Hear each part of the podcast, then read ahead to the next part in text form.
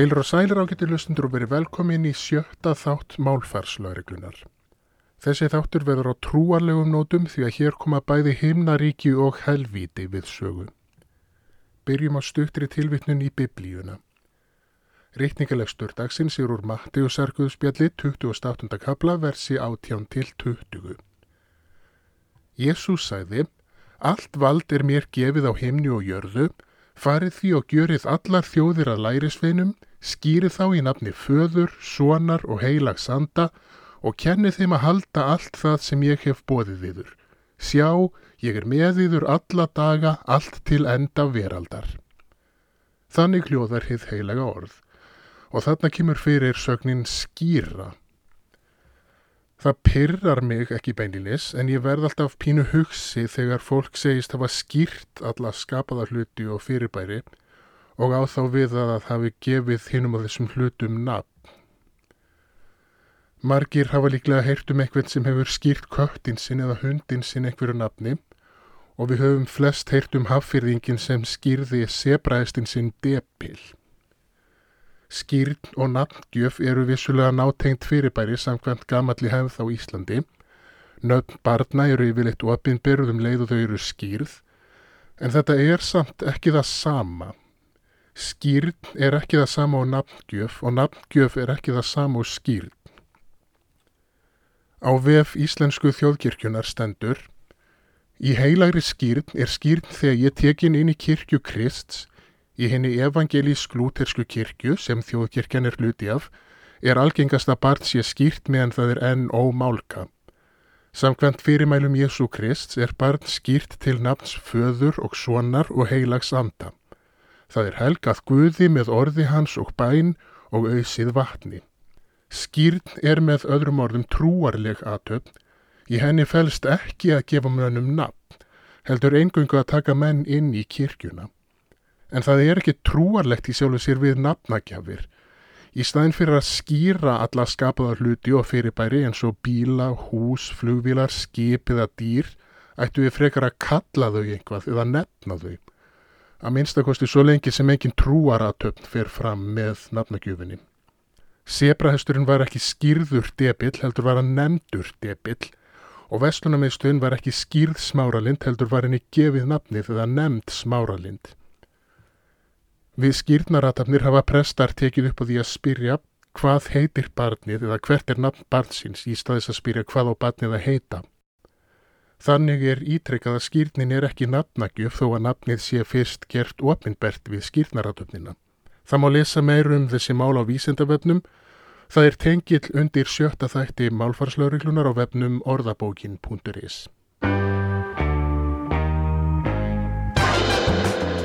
Þá er komið að ráði til virkra í aðtugasemdum. Það eru reyndar fleiri sem eiga að taka þetta til sín núna því að málvillan sem nú verður fjallað um er orðin allt of algeng. Það er þetta með afleiðingar gjörða okkar. Ég fór í bæin að kaupa mat fyrir helgina og að því að ég var nýr í bæ þá kom ég við í ríkinu. Með öðrum orðum, fyrst ég var í bænum kom ég við í ríkinu.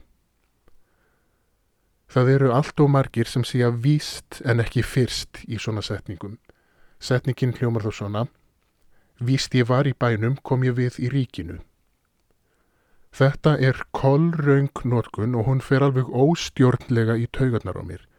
Mér langar til að öskra í hvert sinn sem ég heyru þetta. Viljiði vinsamlega skera það fyrir mig að nota fyrst en ekki víst í þessu samhengi.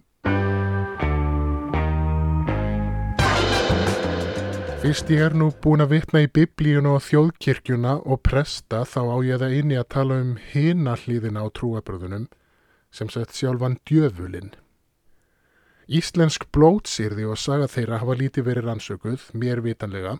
Helsta ástæðan er líklega svo að blótsýrði hafa sjaldan komist á prent og því þyrti að fara út í rannsóknir á talmáli.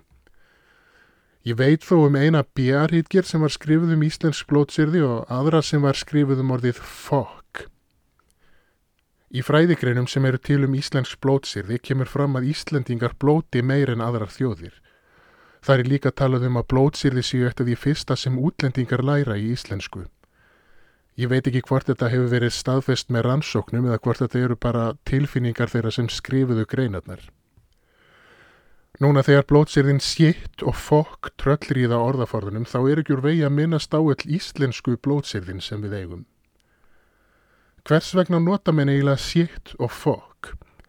Ég veit ekki almennilega hvernig það er með sétt en orðið fokk mun hafa verið komið í íslenskuna sem blótsýrði í upphafi nýjunda áratugar síðustu aldar. Líklega vegna breyttar menningar og aukin áhrifa frá amerísku afþreyingarefni þar sem þessi orð koma ósjaldan fyrir. Kanski finnst mönnum gömlu góðu íslensku blótsýrin vera orðin merkingarlaus. Íslendingar er ekki trúaðir svona upp til hópa og myrkrahöfningin hefur ekki lengur sama mátt í hugamann og hann gerði fyrravaldum. Kanski finnst mönnum sítt og fokk vera sterkari og fá meiri útrás fyrir reyðina heldur en við að taka sér gömlu góðu íslensku blótsýrin sér í munn. Í gömlu áramótasköpi var til dæmis stungið upp á því að þýða orðið sítt og nota hæðir í staðinn. Þessi tillagi hefur ekki ennþá náð fótfestu en þeir sem vilja blóta á íslensku hafa úr mörgu að velja þó við sleppum því að bein þýða erlend skamariði. Góð og gild íslensk blótsýrði, það er þó hægt að tala um góð blótsýrði sem hafa lifað hvað lengst með þjóðinni, eru orðin andskoti, fjandin, djöfullin og ímsar afbakannir og samsuður af þessum orðum. Og svo bústaður þess gamla, það er helvíti. Andskoti merkir andskjótanda, það er einhver sem skýtur á mótimanni. Djöfull er komið af gríska orðinu diabolos og merkir róbera. Fjandi merkir óvinnur, það er komið úr sögninni fjá sem þýðir að hata. Merking fjandans er sem sagt einhver sem hatar mann. Helvíti er samsett úr orðunum hel sem er dvalarstaður ásatrúarmanna eftir döðan og viti sem merkir refsing. Helstu blótsýrði í íslensku koma sem sagt öll úr kristinni trú og eru meir og minna vísun í biblíuna og djöfulinn sem kemur þar við sögu. Til að milda þessi aðal blótsýrði hafa menn fundið upp ímsar afbakanir og samsuður af þessum orðum. Það eru til dæmis orðin ansvíti, askoti, hefvíti, dieskoti, fjárin, ansans, bjefaður, bjevítans og svo ímis konar skrautorð yfir myrkrahöfðingjan, til dæmis pöyrin, árin, fjárin, svo nokkur dæmi síðan nefnd.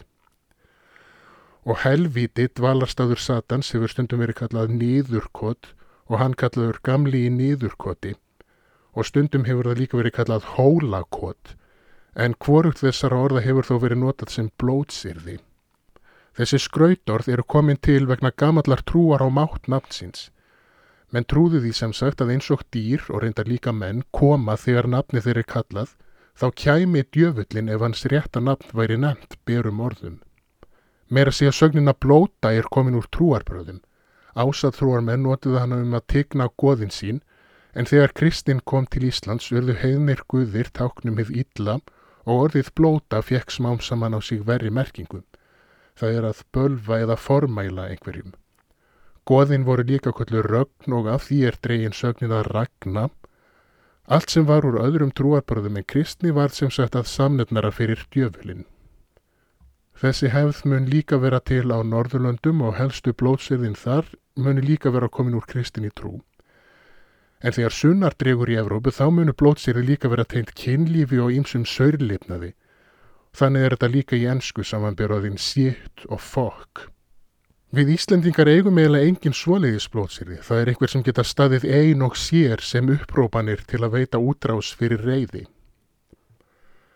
En nú eru Íslendingar ekki trúaðir svona upp til hópa. Hvaða blótsýrði getum við þá notað við viljum sleppa því að vísa í kristnina? Það hefur verið stungið upp á orðinu horngrítis. Það er vissulega vannýtt öðlind sem mætti nýta betur. Merking þess er dálítið á huldu en einn skýring á því er eggjakrjót. Bölbænin er þó svo að viðkomandi lendi í ófærum eða verði urðaður utangarðs. Það má líka nota orði rækallin, það er komið af orðinu ræjikarl sem þýðir róberi.